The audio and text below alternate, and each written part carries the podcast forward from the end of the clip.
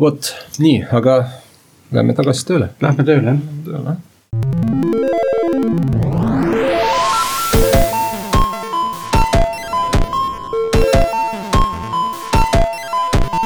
tere tulemast kuulama Algorütmi podcasti. täna, viiendal detsembril meil on järjekordne saade. mina olen Sergei Anikin, üks podcasti häältest ja minuga koos saadet veab Tiit Paananen Veriffist. Tere. ja enne kui me räägime meie saate teemast lähemalt, ma küsiks sinu käest, Tiit, mis on sinu tunne, kas podcastiga alustamine oli õige tegu? no esimene emotsioon on äh, väga positiivne ja noh, teades eestlasi, siis see on äh, väga tugev sõnum või statement. aga ma arvan, et äh, isiklik emotsioon on see, et juba nende mõne episoodiga, mis me oleme lindistanud ja välja lasknud, ma olen tegelikult ise õppinud juba palju asju Äh, algoritm on minu jaoks äh, viis, kuidas ennast teemadega kurssi viia, sügavuti minna, keskendudes konkreetsele teemale, konkreetseks ep episoodiks ja see on, ma arvan, väga positiivne äh, mina olen küll saanud jõudu ja inspiratsiooni kuulatajate tagasisidest, aga seda pole kunagi piisavalt. nii et kallid kuulajad, palun kirjutage oma soovidest meie aadressile algoritm at geenius.ee samuti ärge unustage subscribe ida meie podcast'ile ning jagada saate seda linki eh, oma sõpradega. You are what you share. nii, Tiit, milline on siis tänase saade teema? Eh, täna räägime lähemalt Kubernetesest ja meil on toredad külalised eh, ja arvestades seda, et kui kiiresti on Kubernetes endale koha leidnud üldises äh, tarkvaraarenduses äh, ja just deployment'i ja skaleerivuse poole pealt, siis on see kindlasti midagi, mis huvitab ka meie kuulajaid. ja täna on meil siis stuudios äh, Joonatan Mägi startup'ist nimega Klaus, tere! tere! ja Priit Pääsukene Veriffist. tere! huvitaval kombel meil kõigil on ühine ajalugu, oleme mõlemad, mõlemad, mõlemad Tiiduga ja mõlemad Priit ja Joonatan töötasid Skype'is samal ajal ja ma küsiks äh,, Joonatan, sinu käest kõigepealt, et äh, mäletan Skype'is sa olid veebiarendaja, siis veebiarenduse tiimijuht. Skype'is jah, aastast kaks tuhat viis algusest äh, vedasin ma nii-öelda front-end'i arendustiimi. kuid, kuid peale seda oli mul veel Skype'is kaks erinevat rolli äh,. Release management ja siis kõige viimase rollina kuni aastani kaks tuhat neliteist aasta kaks tuhat neliteist suvi vedasin ma platvormi arendust, mis siis tõigi mind nii-öelda sellesse äh, Kubernetese konteinerite virtualiseerimise maailma. ja millega sa nüüd tegeled? ja, ja täna on minu roll ettevõttes Klaus olla tehnoloogiajuht, kus ehitame siis äh, kasutajatoe tiimidele vestlusanalüüsi tarkvara. et, et parandada äh, kasutajatoe kvaliteeti. Ma saan aru, et see ei ole just kõige suurem firma ei, täna on meid kokku äh, umbes viisteist töötajat, aga ambitsioonid on meil selle eest suured. ja Priit, äh, sina juba Skype'i ajal tegelesid infra, infrastruktuuri platvormiga ma saan aru, et äh, siiamaani tegeled sellega? jah, ma alustasin süsteemi administraatorina ja kasvasin veebiteenuste pealt kõigi muude teenuste peale, mida saab host ida ja siis jah Äh, pärast Skype'i liikusin äh, Saksamaale Rocket Internetti, kus me tegime startup'e niimoodi saksa täpsusega konveier meetodil, et kuus kuud ja järgmine startup. Äh, ja, ja seal ma puutusin rohkem kokku Amazoni pilveteenuste ja, ja muu infrastruktuuriga ja siit loogiline järg tagasi Eestisse tulles oli see, et Kubernetes mind üles leidis kas sa enne Eestisse tagasitulekut ei tegelenudki Kubernetesega seal Rocketis äh,? Rocketis me tegelesime puhtalt AWS-i EC2 instantside provisioneerimisega, et seal äh, lisavirtualiseerimiskihti nagu ei olnud. võib-olla jälle kõrvalepõik, äh, see Rocket Internet on äh, päris huvitav nähtus, nagu Priit ütles. See on firma, kes tegeleb startup'ide konveermeetodil Äh, tootmisega, et põhimõtteliselt nad äh, kopeerivad äh, erinevate edukate startup'ide ärimudeleid ja teevad neid siis seal mandrites, kus neid edukaid startup'e veel ei esine, ma tean, et neil on Aafrikas on päris palju edukaid koopiaid? jah, neil on, ärimudel on tõesti selline, et, et kui nad näevad mingit startup'i ideed, mis toimib, siis neil on oma majas väga kogenud arendustiimid kes teevad selle startup'i põhja valmis nii-öelda ja, ja, ja keeruline asi startup'ide puhul ei ole tegelikult see tehniline pool, vaid on leida see ärimudel ja seda Rocketis osatakse, et maailmas on pealt kahesaja riigi ja kui startup on edukas äh, USA-s, Euroopas, siis äh, sealt jääb kindlalt üle saja viiekümne, kus äh, selle ärimudeli võiks veel üles lasta. Eh, Priit, sina oled olnud infraarenduses juba pikemat aega, et kuidas sa võrdled nagu tänast seisu võrreldes kümne või viieteist aasta taguse seisuga asjad on läinud paremaks, asjad on läinud mugavamaks selles mõttes, et kui ma meenutan neid reliise, mida me tegime kümme-viisteist aastat tagasi ja võrdlen sellega, mida me nagu täna teeme, siis äh, öö ja päev. Selles mõttes, et äh, kümme inimest äh, keldris war room'is tihedas suhtluses omavahel, et kes tegi mida, kes lülitas mingi load balancer'i uue reliisi peale, kes lülitas vana reliisi peale, kas asjad töötavad, et see oli nagu niisugune väga intensiivne reliisimisperiood Skype'is, võrdlusega täna see, et sa ütled käsu, et pane mulle nüüd uus reliis äh, tiksuma ja siis vaatad graafikute pealt, et kas nagu sai parem või ei saanud parem, et kas on vaja sekkuda, tavaliselt ei ole vaja sekkuda ja siis mõne aja pärast ongi järjekordne versioon koodist üleval. Et põhimõtteliselt äh, see osa administraatori tööst, äh, mis tegeles äh, muudatuste pealepanekuga, on nüüd automatiseeritud peaaegu täielikult? ta on peaaegu täielikult automatiseeritud jah, selles mõttes, et eile vaatasin üle, et infratiim, mis umbes sihuke kolmesaja liikmelises asutuses umbes viis kuni kümme inimest, kes tegelesid infrastruktuuriga, et, et nüüd nendest inimestest nagu umbes veerand tööajast kulub infrastruktuuri peale ja ülejäänuga võib teha sisuliselt continuous integration, continuous delivery Jonathan, kas, äh, kas Kubernetes äh, mängis selles äh, infra administraatori töös ka mingit rolli?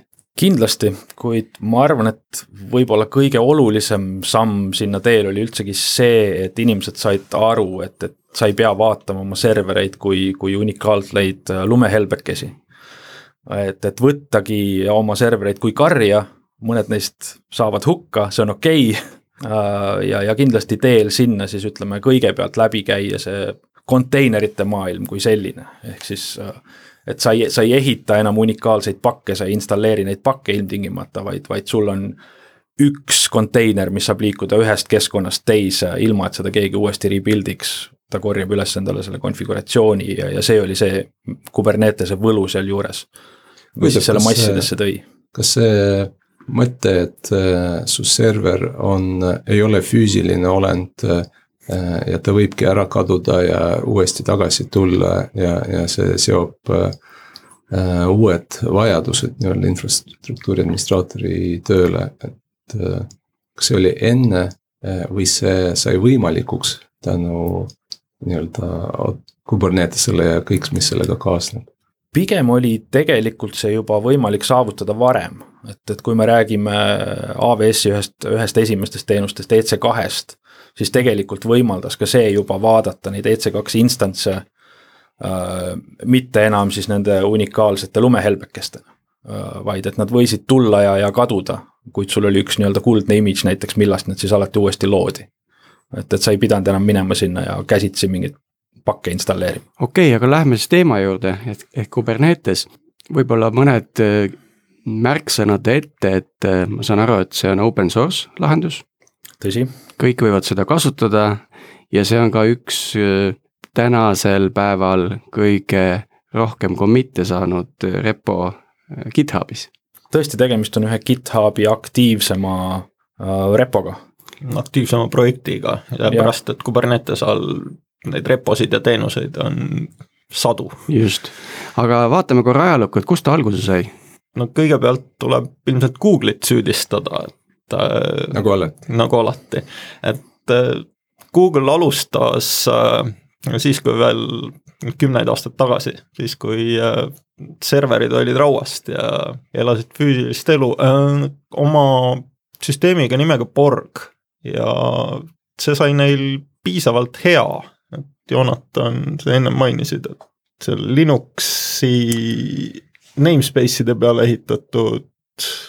just, et, et Google hakkas siis juba, juba ennem igasuguseid äh, dokkereid äh, Linuxi namespace'e orkestreerima ja kasutas siis selleks tõepoolest seda süsteemi Borg, see Borg on neil täna endiselt veel ka aktiivselt kasutuses, kuid siis ühel hetkel otsustati, et tõepoolest tegemist on piisavalt hea asjaga, vabavaramaailmas midagi sarnast ei eksisteeri ning, ning otsustati äh, võtta aluseks need ideed, mõtted selle Borgi taga ja, ja arendada sellest vabavaraline open source süsteem ja, ja selle nimeks sai siis Kubernetes. nii et äh, Google tegelikult oma Borgi, mis oli C++-is kirjutatud, kirjutas ümber Go'sse. just. ja siis äh, andis nii-öelda vabavaraliseks. just. ja seal oli siis mingi partnership veel Linux Foundationiga jah, kui ma õigesti mäletan, siis kaks tuhat neliteist aastal, kui äh, vabavaraliseks siis nii-öelda välja toodi Kubernetes, äh, loodi ka Cloud Native Foundation äh, Linux Foundationi alla, mis siis hakkas vedama kogu sihukest Cloud Native rakenduste arendamise poolt ja kõike seda. Aga lähme siis Kubernetesesse sisse, et koorime seda sibulat et kiht kihti haaval, et millest ta tegelikult koosneb ja mida need komponendid teevad? võiks korra veel ajaloost läbi käia, et, et kuidas need virtualiseerimiskihid on arenenud, et et kui sul kõigepealt oli füüsiline server, kuhu süsteemi administraator alguses flopidega ja pärast CD-plaadiga installeeris operatsioonisüsteemi ja kohandas ta ära, see võttis hirmus palju aega, et natuke aega edasi tulid äh, virtualiseerimisplatvormid tüüpi VMware'id, Äh, Proxmoxid, äh, mis äh, võimaldasid selle füüsilise, ühe füüsilise masina peale mitu väikest virtuaalmasinat teha. Ja neid andis Geta image itena siis ladustada. Ja sealt järgmine samm minu vaates oleks nagu Docker, kus virtuaalmasin muudeti niisuguseks pisikeseks uniform konteineriks ja nüüd järgmine kiht sellele, et meil on Docker, kus on, meil on konteinerid, et äh, nende konteinerite paigaldamiseks, valikuteks, et selle, selle jaoks on vaja orkestraatorit, jah. kui palju, ma küsin, Priit, teie infras, kui mitu konteinerit siis äh, production süsteemis jookseb? Production süsteemis eilse seisuga kakssada konteinerit ja kui me staging ut vaatame, siis seal lähevad nagu numbrid mitmekordseks, et. ja kui tihti need muutuvad? oleneb teenusest, aga mõni tiim reliisib äh, mitu korda nädalas oma teenust. kokku on vist kuskil kümme kuni viisteist äh, deployment'it päevas praegu mina ausalt öeldes ei tea, palju meil Pipedrive'is äh, on meil teenuseid, on mingisugune kakssada, kolmsada ja need ima, omakorda siis skaleeritakse fault tolerance'i, tolerance'i mõttes äh, äh, mitme instance'i ja mitme image'i peale ja siis neid update itakse ka mingisugune viiskümmend, kuuskümmend korda päevas. ehk ilmselgelt käsitööna sellist hulka muudatusi ei oleks võimalik live süsteemi peale panna et ma arvan, et see, see ongi selle Kubernetese orkestreerimise vajadus äh, nii-öelda mõte on.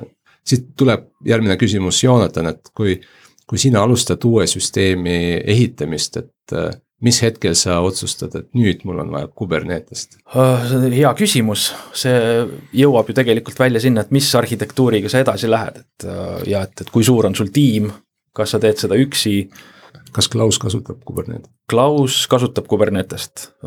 Teie kõigiga võrreldes täna meie süsteem on muidugi oluliselt, oluliselt väiksemas aga skaalal. kui mitu komponenti või mitu image'it äh, on? täna me räägime circa viiest komponendist ja, ja kõik see mahub meil meeldivalt kolme node'i peale ära produktsioonisüsteemis. endiselt te kasutate Kubernetest? endiselt me kasutame Kubernetest kasutame nii-öelda seda Google'i poolt pakutavat Kubernetes engine'it, mis siis tähendab seda, et et tegelikult me ei pea selle infrastruktuuri haldamisega absoluutselt ise tegelema. millest koosneb Kubernetes, kuidas ta orkestreerib neid oma workload'e? selle jaoks, et midagi orkestreerida, peavad olema klotsid, mida nagu orkestreerida ja paigutada ja Kubernetese jaoks vist kõige väiksem ühik orkestreerimise mõttes on pood, tavaliselt ühest Dockeri konteinerist koosnev teenus, millele süsteemi administraatorid või arendajad, kuidas kuskil tavaks on, saavad määrata tema ressursivajaduse ja siis öelda, et mitu instantsi seda teenust nagu vaja on. et järgmine kiht tuleb, et Kubernetesel on, kõik elab ilusti sisevõrgus, väljaspoolt keegi ligi ei saa, selle jaoks, et sinu ilus teenus maailma näeks, tuleb nagu mitme poodi peale üles ehitada üks service. alati ei peaks küsima, et konteiner üks rakendusest äh, veebileht, palun, serveeri mulle seda, et selle asemel saab pöörduda lihtsalt, et veebilehe käest küsida. kui meil on service, siis äh, järgmine kiht tuleb, et saab sellele service'ile öelda, et on load balancer ja load balancer on see kiht, kust me saame juba hakata ütlema, et kas teenus on internetile nähtav või äh, teenus on meil ainult sisevõrgu jaoks kasutamiseks. nii et Kuberneteses see nii-öelda service router või load balancer on juba sisse ehitatud? ta on sisse ehitatud ja seal on ka sisemised äh, service discovery mehhanismid olemas, et Kubernetesel endal jookseb kõhus nimeserver, kui sa tead, et minu, ma ei tea, andmebaas on, peidab ennast äh, nimekombinatsiooni db taha, siis äh, sa võid oma rakendustes äh, conf'is öelda, et otsi andmebaasi db ja port vastavalt kas kolm, kolm, null, kuus või viis, neli, kolm, kaks või mis sul vaja on ja Kubernetes teeb nagu ruutimise ära. mul jäi segaseks natuke see e-, kõige esimene pood, poodis võib mitu konteinerit ka olla?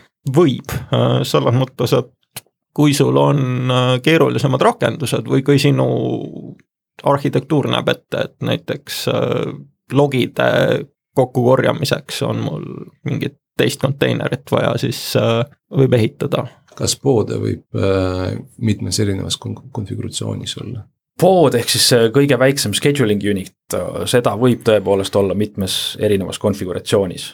kuid sa seda ikkagi nagu haldad ühe unit'ina ja tavaliselt ka ei, ei keegi ei scheduleeri seda poodi iseseisvalt. vaid alati tavaliselt kasutatakse selleks näiteks kõige lihtsamalt äh, deployment'i, mis on siis niisugune nagu wrapper funktsionaalsus äh, selle poodi otsas. millele sa siis ütled, et mul on vaja selli-, sedalaadi poode selline arv, mis siis omakorda vastutab selle eest, et neid siis igal ajahetkel oleks see õige arv sul olemas ja annab, annab võimaluse ühelt versioonilt teisele liikuda. Schedule erimine ehk ajastamine või kuidas seda eesti keeles? kõike seda on eesti keeles väga kummaline rääkida aga ütleme, et aja, ajastamine, milleks see hea on? kõige, kõige lihtsam äh, viis sellest ilmselt aru saada on, on mõeldagi äh, selle deployment'i hetke peale, kui sa hakkad oma teenusest näiteks uut versiooni paigaldama sul on äh, deployment'ile võimalik öelda, et, et minu äh, minimaalne poodide arv on näiteks kolm ja alati igal ajal hetkel võib üks pood näiteks kadunud olla või, või neid poode võib olla üks rohkem kui minu see iga ajahetke vajalik arv. ja siis ühelt äh, rakenduse versioonilt teisele liikumisel kasutatakse neid andmeid selleks, et siis kõrvale toota uue versiooniga pood võtta see service'i ehk siis endpoint'ide seast maha, et seda enam liiklust sinna peale ei tuleks ja, ja liikuda sedasi pood pood haaval, kuni, kuni sinu kõige viimane soovitud versioon on paigaldatud. Äh, hetkel, kui sa kirjeldasid seda, siis mul kohe tuli silme eest ette Priit kümme aastat tagasi, kes istus äh, War Room'is ja tegi täpselt sedasama, ainult käsitsi. just no,. põhimõtteliselt jah, et äh, võta teenus nagu load balancer'ist maha pane sinna järgmine versioon, siis äh, kontrolli, et see järgmine versioon jääb tööle ja siis äh, lülitada load balancer'i tagasi ja niimoodi kümme korda järjest, kui sul on teenus kümne serveri vahel ära jagatud. Joonatani jutule veel jätkuks, et äh, kui me siin deployment'ist rääkisime, sellest ilmselt võib nagu viie neljakümne viie minutise loengu ülikoolis ära pidada, et millised on erinevad strateegiad, et kui mul on rakendus versiooni peal A ja ma tahan ta saada rakenduse peale versiooni peale B, siis äh, meil on variante, et kas ma nagu tiksutan kasutajat kümne protsendi kaupa rakenduse peale, ühesõnaga versiooni pealt A versiooni peale B, või ma panen versiooni A ja B kõrvuti jooksma sama mahutavuse poole pealt ja, ja, ja tõstan nagu saja protsendiga vupsti kõik ümber. Või ma teen niimoodi, et ma võtan kõik versiooni A rakendused maha, sellepärast et mul on väga oluline, et, et mitte ükski sessioon püsti ei jääks äh, vana versiooni vastu. Ja siis äh, tõstan nagu järgmise versiooni rakendusest püsti, et äh, kõik need on konfigureeritavad Kuberneteses umbes täpselt kahe parameetriga. aga nüüd, kui meil need stateless teenused seal käivad üles-alla ja, ja uue versiooni peale, eh, nad peavad ju kuhugile oma andmeid salvestama, ma saan aru, et see volüümide teema on üks huvitav viis lahendada, huvitavalt lahendatud Kuberneteses. seesama versiooni eh, vahetus, ütleme, et, et sul on versioon A äh, äh, sinu teenusest äh, kasutab äh, noh, ütleme salvestab kliendi andmed ja kliendi andmetes on ainult nimi ja, ja sünnikuupäev ja, ja nüüd versioon B-s eh, tegelikult sa tahad salvestada ka äh, autonumbrit näiteks äh,.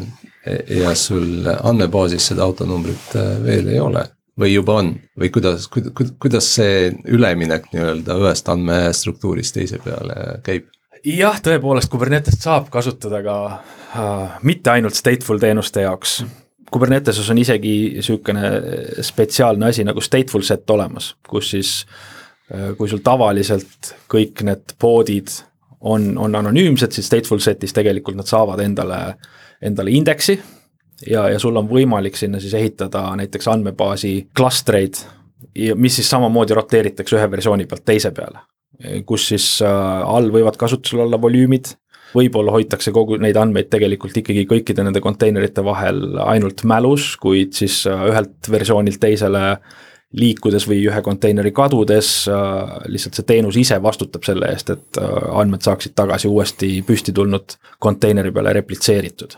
volüümide kasutusel tegelikult hakkab juba väga palju sõltuma sellest, et mis on see infrastruktuur, kus peal sa seda Kubernetest jooksutad enamasti volüümid tegelikult äh, ristkasutatavad on äh, ühel kontei-, konteineril korraga, või siis nad on pigem write once, read many tüüpi. see sõltub siis jah juba, et, et kas sa kasutad mõne, mõne pilveteenuse pakkuja block storage'it seal all või nii edasi.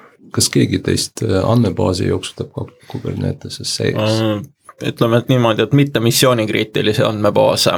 aga miks, mis see põhjus üldse andmebaasi panna Kubernetesse sisse? mina ei tea head põhjust, miks panna andmebaasi Kubernetesesse, sellepärast et äh, andmebaasi administraatorid, andmebaasi inimesed on nende jaoks äh, väga hästi selgeks teinud ja välja mõelnud äh, selle versioneerimised ja uuendamised ja, ja load balancing ud ja shard imised, mis kõik.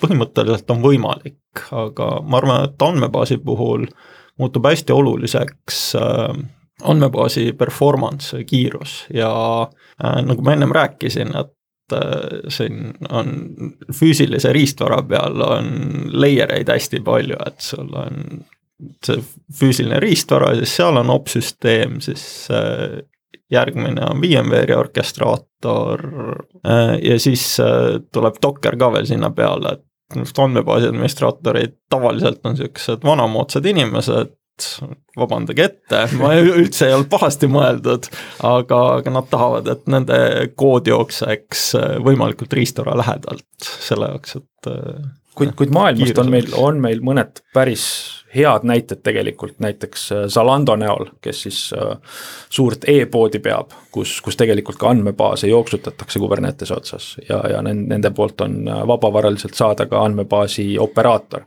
mis siis just nii-öelda Kubernetese klastri sees vastutab selle eest, et sul oleks see andmebaas alati saadaval ja, ja jagab ta siis kõigi sinu äh, masinate peale ilusti laiali ja, ja vastutab kogu selle replitseerimise ja kõige selle eest. paar komponent, komponenti on veel jäänud mainimata, et äh, üks huvitav kontsept on namespaces Namespace'is annab äh, Kubernetese kasutajale võimaluse seda ühte klastrit äh, jagada. ta ei ole küll äh, nii-öelda turvalisuse mõttes äh, isolatsioonikiht, ta saab ehitada isolatsioonikihiks. ta saab ehitada isolatsioonikihiks, kuid, kuid esmalt annab ta sulle võimaluse, kui me rääkisime põgusalt, puudutasime seda DNS-i kihti, äh, mida Kubernetes pakub, siis ta pakub selle DNS-i kihi tasemel isolatsiooni. ehk siis samas klastris saad sa näiteks jooksutada igale arendajale oma namespace'i, kus nad on oma väikese keskkonna sees nagu isoleeritud, nad jagavad kogu seda all olevat infrastruktuuri, äh, neid all olevaid ressursse kuid nad ei puutu ilmtingimata üksteisega kokku, kui nad just seda ei soovi. Uh, ilma namespace'ide peale restriction'id panemata on tegelikult võimalik namespace'ide vahel ka suhelda. ja siis on veel äh, igipõline küsimus, et kuhu, kus hoida oma, oma nii-öelda secret eid või, või access key'sid. kuidas see on lahendatud Kuberneteses? Kuberneteses on olemas iseenesest äh, secret ite jaoks lahendus, jällegi allolevalt kasutavad erinevad äh, pilve provider'id, erinevad Kubernetes installatsioonid erinevaid meetodeid nende andmete hoidmiseks, kuid out of the box äh, Kubernetese secret'id tegelikult on siis Kubernetese äh, state store'is etcd andmebaasis lihtsalt base kuuskümmend neli kodeeritult. Ehk ta ei ole väga secret. ehk ta ei ole väga secret jah, just. mul tekkis küsimus, et te kasutate Google'i poolt host itud Kubernetes versiooni just, ja, ja olen kokku puutunud ka Amazoni poolt host itud Kubernetese versiooniga. ja Veriff? Veriff kasutab Amazoni poolt host itud versiooni, aga me alustasime ise püsti pandud Kubernetesega, selles mõttes, et oli väga hea ja, ja õpetlik äh, näha, et kuidas, oh, kuidas, kuidas, kuidas töötab ja mis karul kõhus on täpselt. miks te, miks te otsustasite Amazoni peale minna?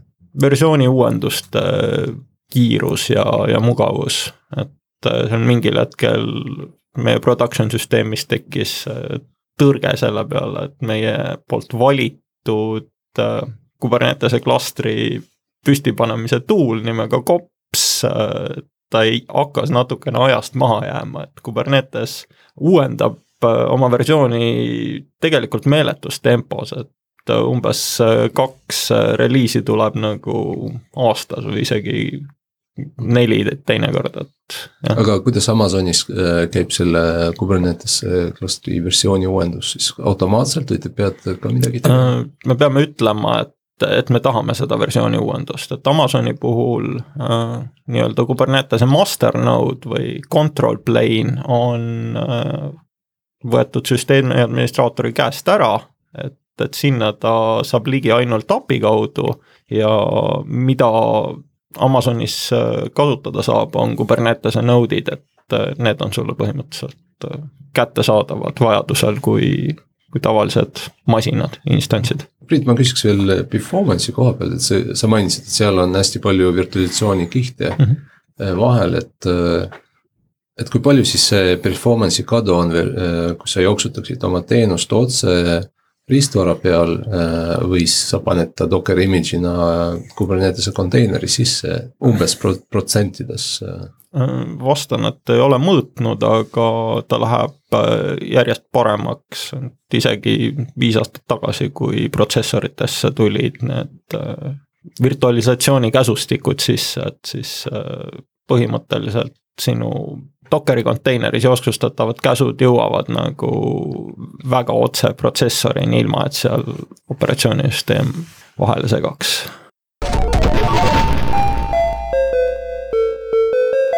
Kubernetesel kindlasti on ka konkurendid, et äh, sellist pilveorkestratsiooniteenuste pakkujaid on mitmeid, et, äh, et oskate äkki mõned nimetada ja mis seal põhilised erinevused on? kõige suurem konkurent kes tänaseks päevaks küll enam äh, nii väga nähtav äkki ei ole, on, on Mesos, kelle üks suurimaid kasutajaid oli ilmselt Apple.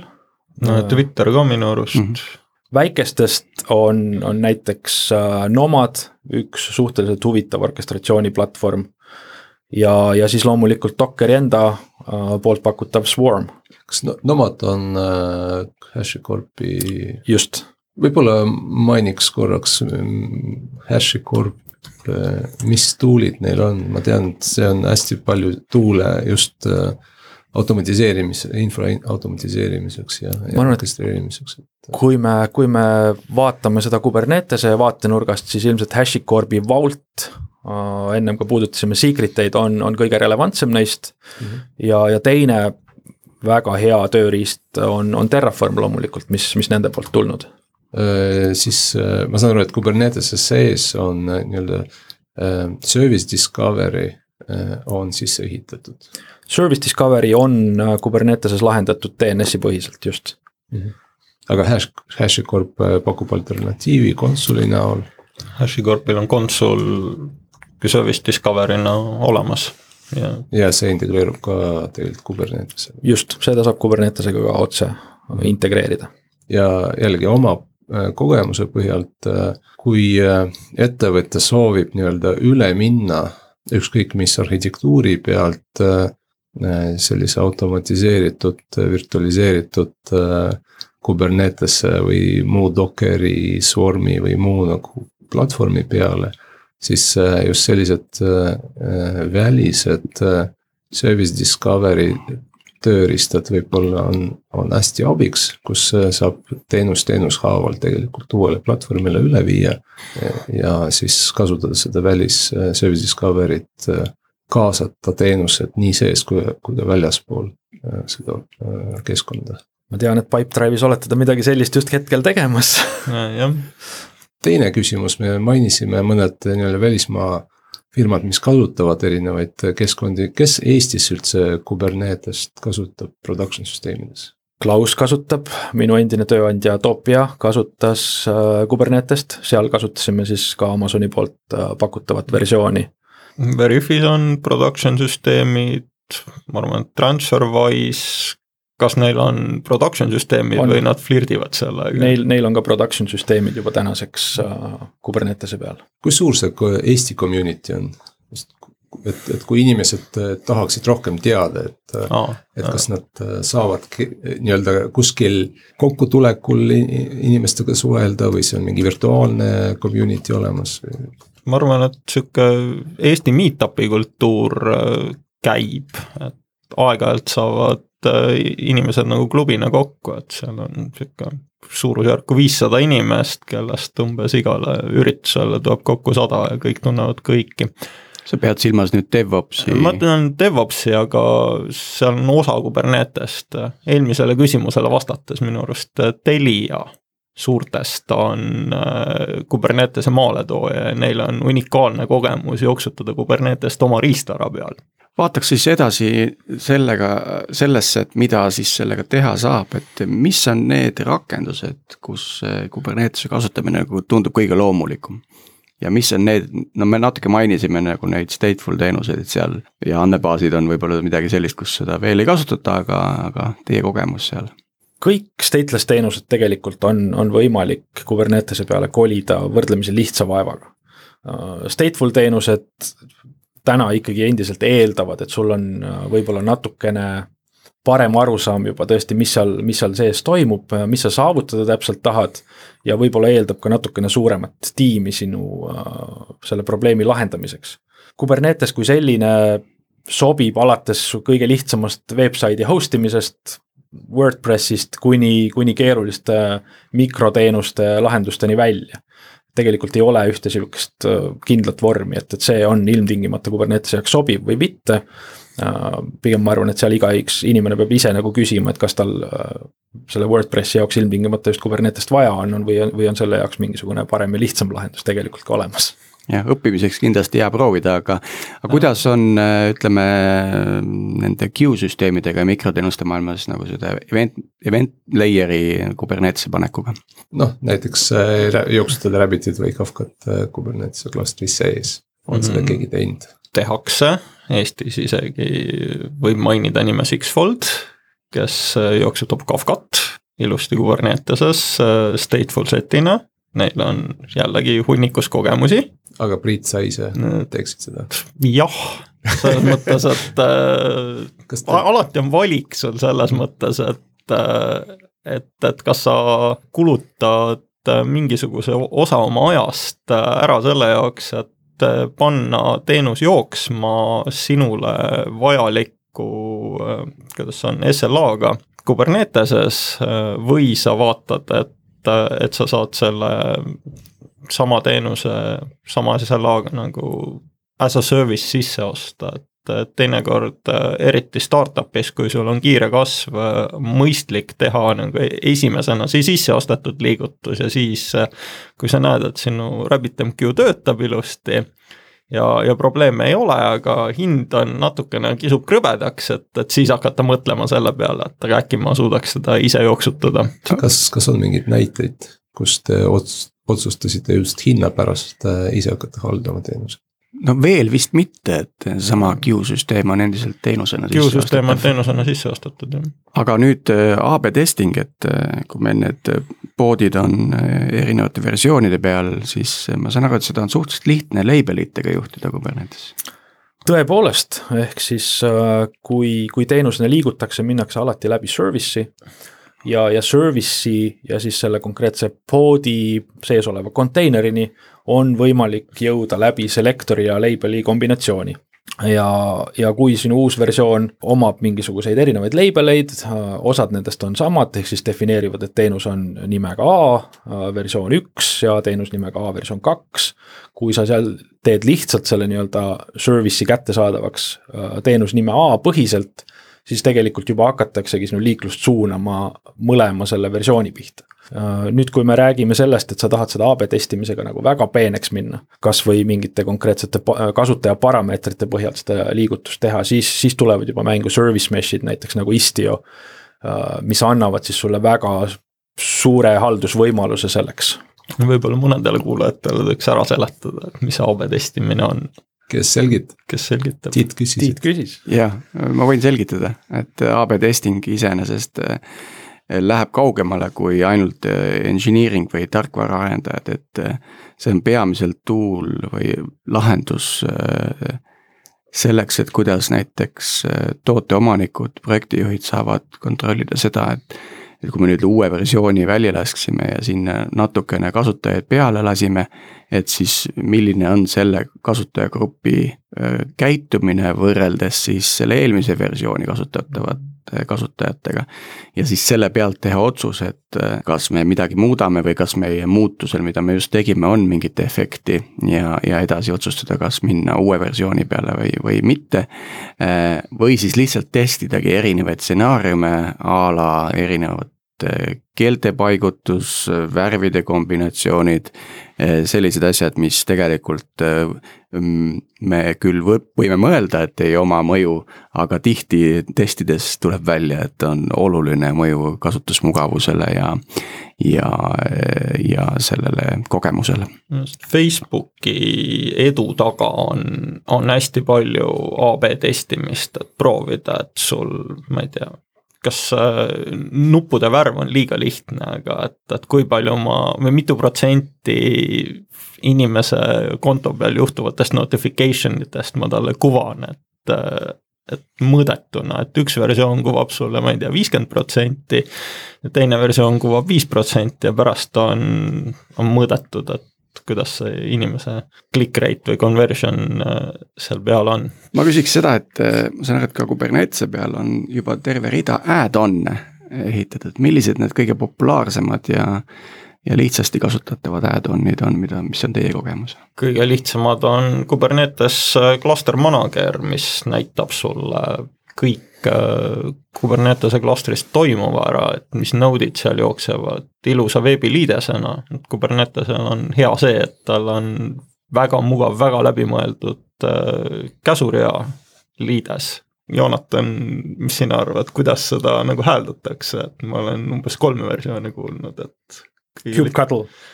kubectl, Kubectl ja siis on veel vist midagi monitooringu ja logimisega seotud add-on, et kuidas, kuidas logid äh, kirjutatakse, kui sul on, äh, ma ei tea, kakssada erinevat teenust või kakssada image'it, igaüks kirjutab oma logi, aga mina arendajana tahan ju kõik äh, ühes, ühel lehel näha.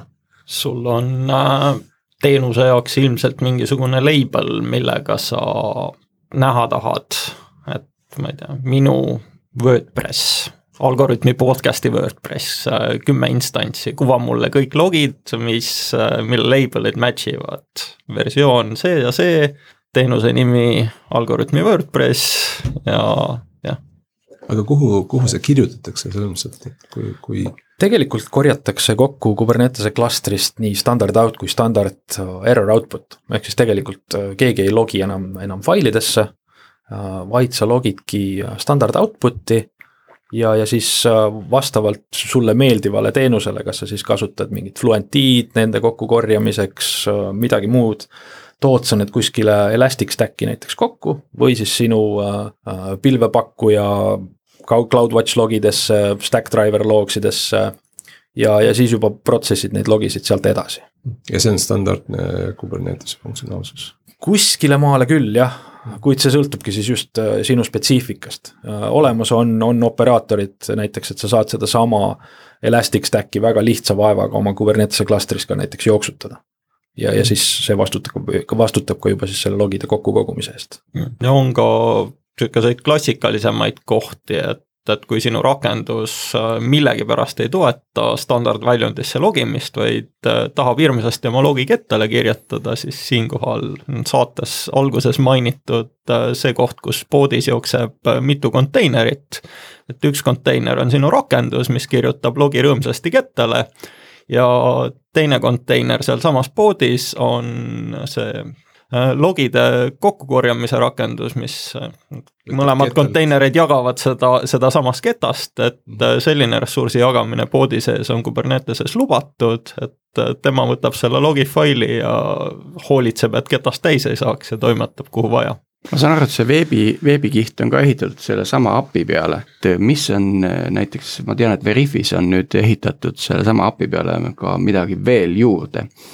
et mis, mis me oleme sinna ehitanud? Me oleme ehitanud äh, deploy manageri ja, ja ülevaate saamise rakenduse, et selles mõttes, et Kubernetes API käest on võimalik pärida äh, väga palju asju, et ütle mulle, et mis teenused jooksu, jooksevad, mis namespace ides, mitu instantsi nendest on, mitu instantsi peab olema äh, ja, ja kuvada see niisuguse ilusa veebilehena kuskil kontori seina peal, et, et kõik, kes mööda lähevad, need näevad, et ahhaa, et staging us äh, on parasjagu töös äh, versioonid kolm, neli ja viis, production'is on versioon kolm ilusti stabiilsena.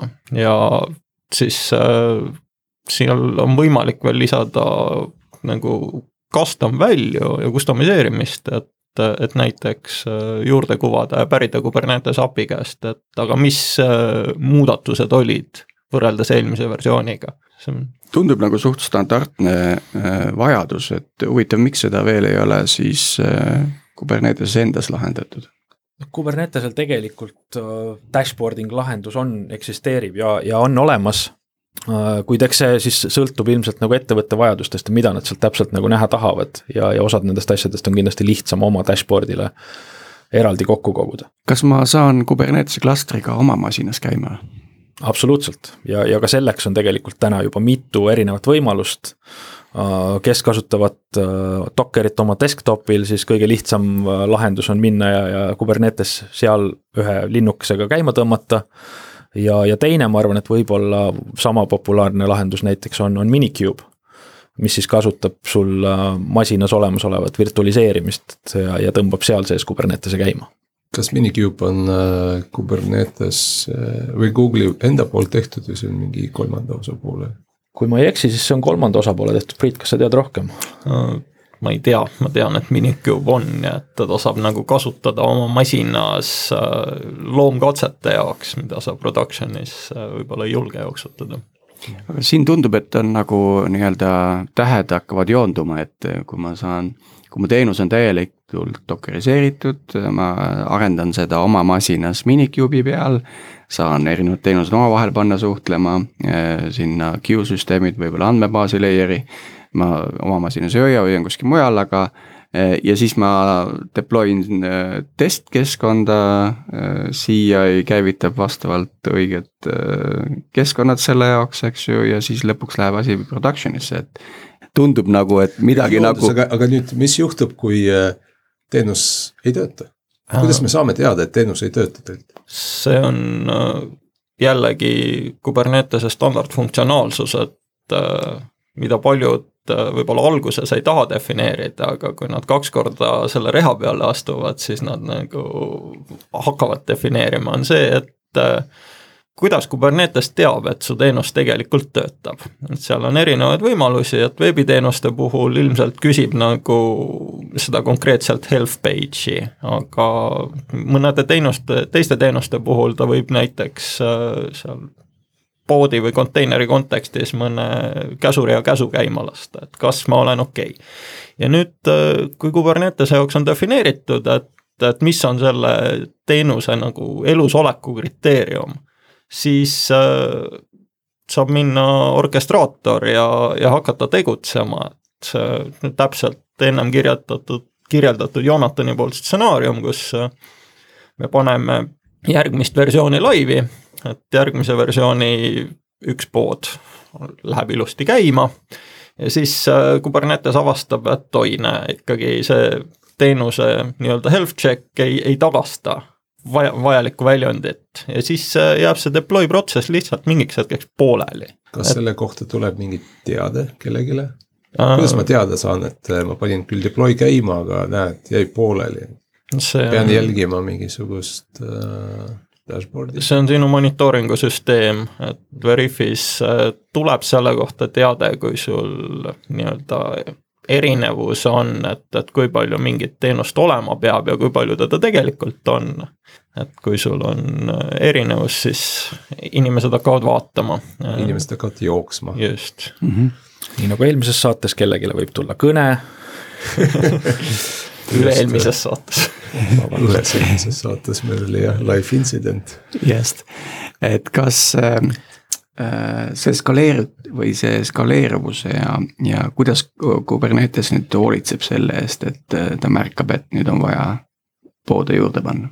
Äh, jällegi defineerimise küsimus, kõik, kes alustavad, nad tahavad nagu väga fikseeritult öelda, et minu veebiteenust on kolm instantsi ja siis mingil hetkel sa saad aru, et sinu ööpäevane liiklus erineb. Ja sa võid Kubernetesele öelda, et ma tahaksin, et minu veebiteenus koormab protsessorit viiskümmend protsenti. Ja siis Kubernetes hakkab sulle hoolitsema, et et kui teenus koormab protsessorit kümme protsenti, siis ta hakkab mõtlema, et oi näe, et, et mul on kümme instantsi, et äkki nagu tapame kaheksa tükki maha, et, et siis äh, saame selle koormuse viiekümne protsendi peale ja, ja samamoodi, et kui ta, su teenused hakkavad tänu suurenenud liiklusele rohkem protsessorit nõudma, siis äh, Kubernetes näeb, et ahaa, ressursikasutus on suurenenud ja äh, paneme poode juurde. siin on alati mõistlik defineerida oma alumised ja ülemised limiidid kas need äh, host itavad teenused, äh, Kubernetese host itavad teenused, kas nad skaleerivad ka Kubernetese host end äh, numbri? tõepoolest, ka seda saab teha. tegelikult mõlemad, kui me vaatame populaarseid neid hosting'u pakkujaid, siis tegelikult kõik neist jooksutavad neid Kubernetese node autoscaling gruupides või, või mõnes sarnases struktuuris, kus siis tegelikult on võimalik siduda poodide horisontal autoscaling ka node'ide horisontal autoscaling uga. ehk siis vastavalt, kui poode enam sinu infrastruktuuri peale ei mahu, siis, siis tehakse sinu infrastruktuuri lihtsalt suuremaks vajaliku arvu node'ide võrra. aga see on juhul, kui selles äh, konkreetses regioonis äh, sinu hosting provider'il on piisavalt äh, riistvara. just.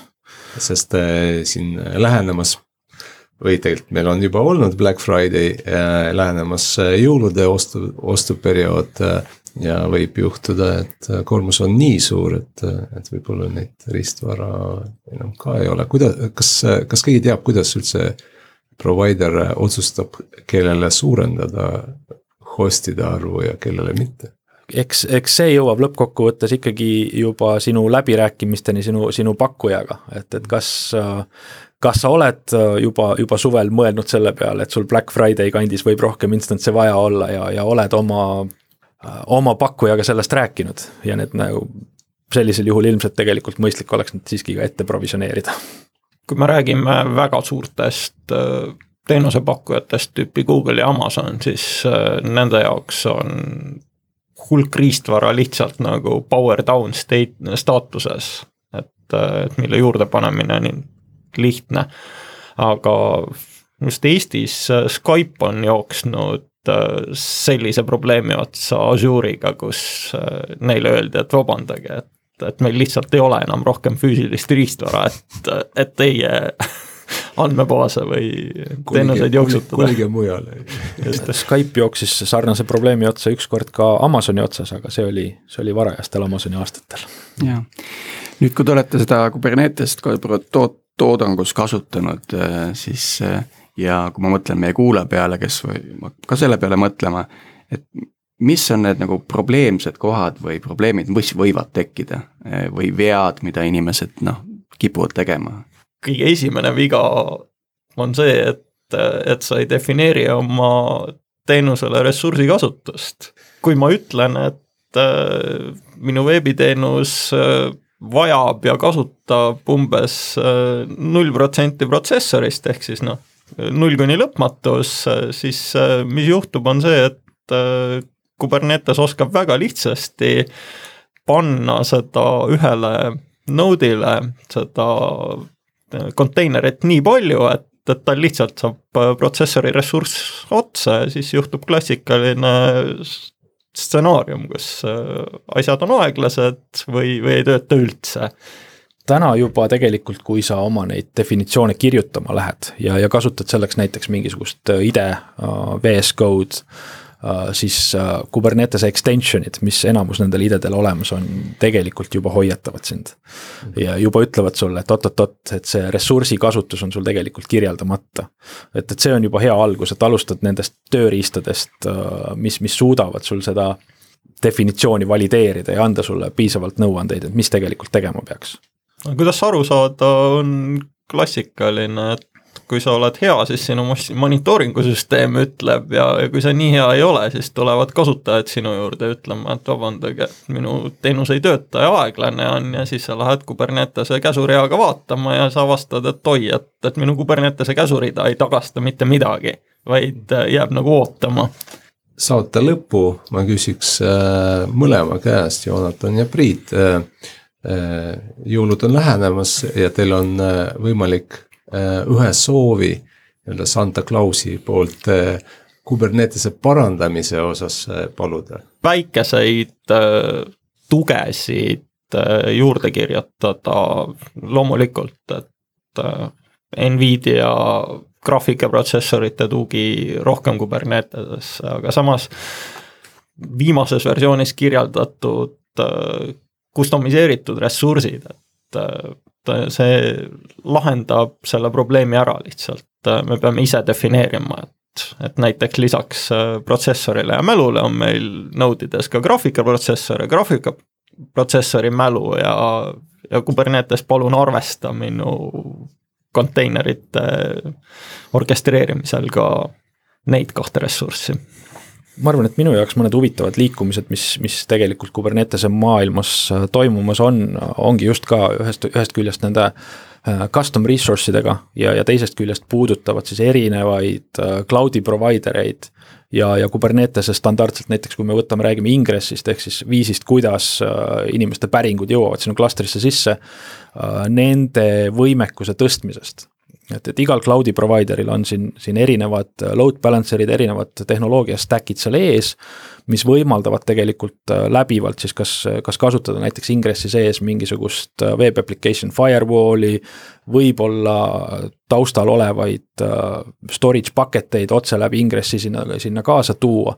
ehk siis tuua kogu see sinu äh, ingressi kirjeldus näiteks ühte kohta kokku, sedasama load balancer'i saaks nagu optimaalselt kasutada, et, et, et sinu API-d tulevad ühest kohast äh,, sinu äh, staatiline veeb servi-, serveeritakse võib-olla läbi sellesama ingressi mingisugusest paketist ja nii edasi, et need on sellised huvitavad asjad, mis hetkel toimumas on. nii, Santa Claus tundub, et võttis teie soovid vastu ja nüüd meie Tiiduga üritame ka Santa Claust mängida, et mis teie soovid meie podcast'ile? Mida te tahaksite kuulda Algorütmist tulevikus?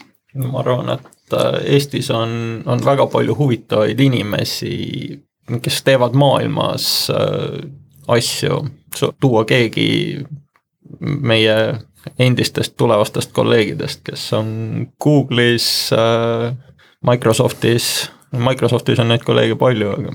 väga hea, väga hea mõte, ma isegi tean mõne, mõne nime. ma, ma kindlasti nõustun, nõustun Priiduga. Et, et meil on, meil on palju ühiseid huvitavaid tuttavaid, kellest, kellest tahaks kindlasti rohkem kuulda ka läbi selle podcast'i ja, ja, ja loomulikult äh, inimesi, kellest äh, me võib-olla veel midagi kuulnud ei ole, aga kellel on väga huvitav lugu rääkida. väga hea, äh, siinkohal me lõpetame meie saadet. Tiit, sinu viimased sõnad. Jääme kuulmiseni siis ja juba nädala pärast. jah, ärge unustage vajutada nupule subscribe, jagada oma sõpradega ja ka saatke meile email'e aadressile algoritm at geenius.ee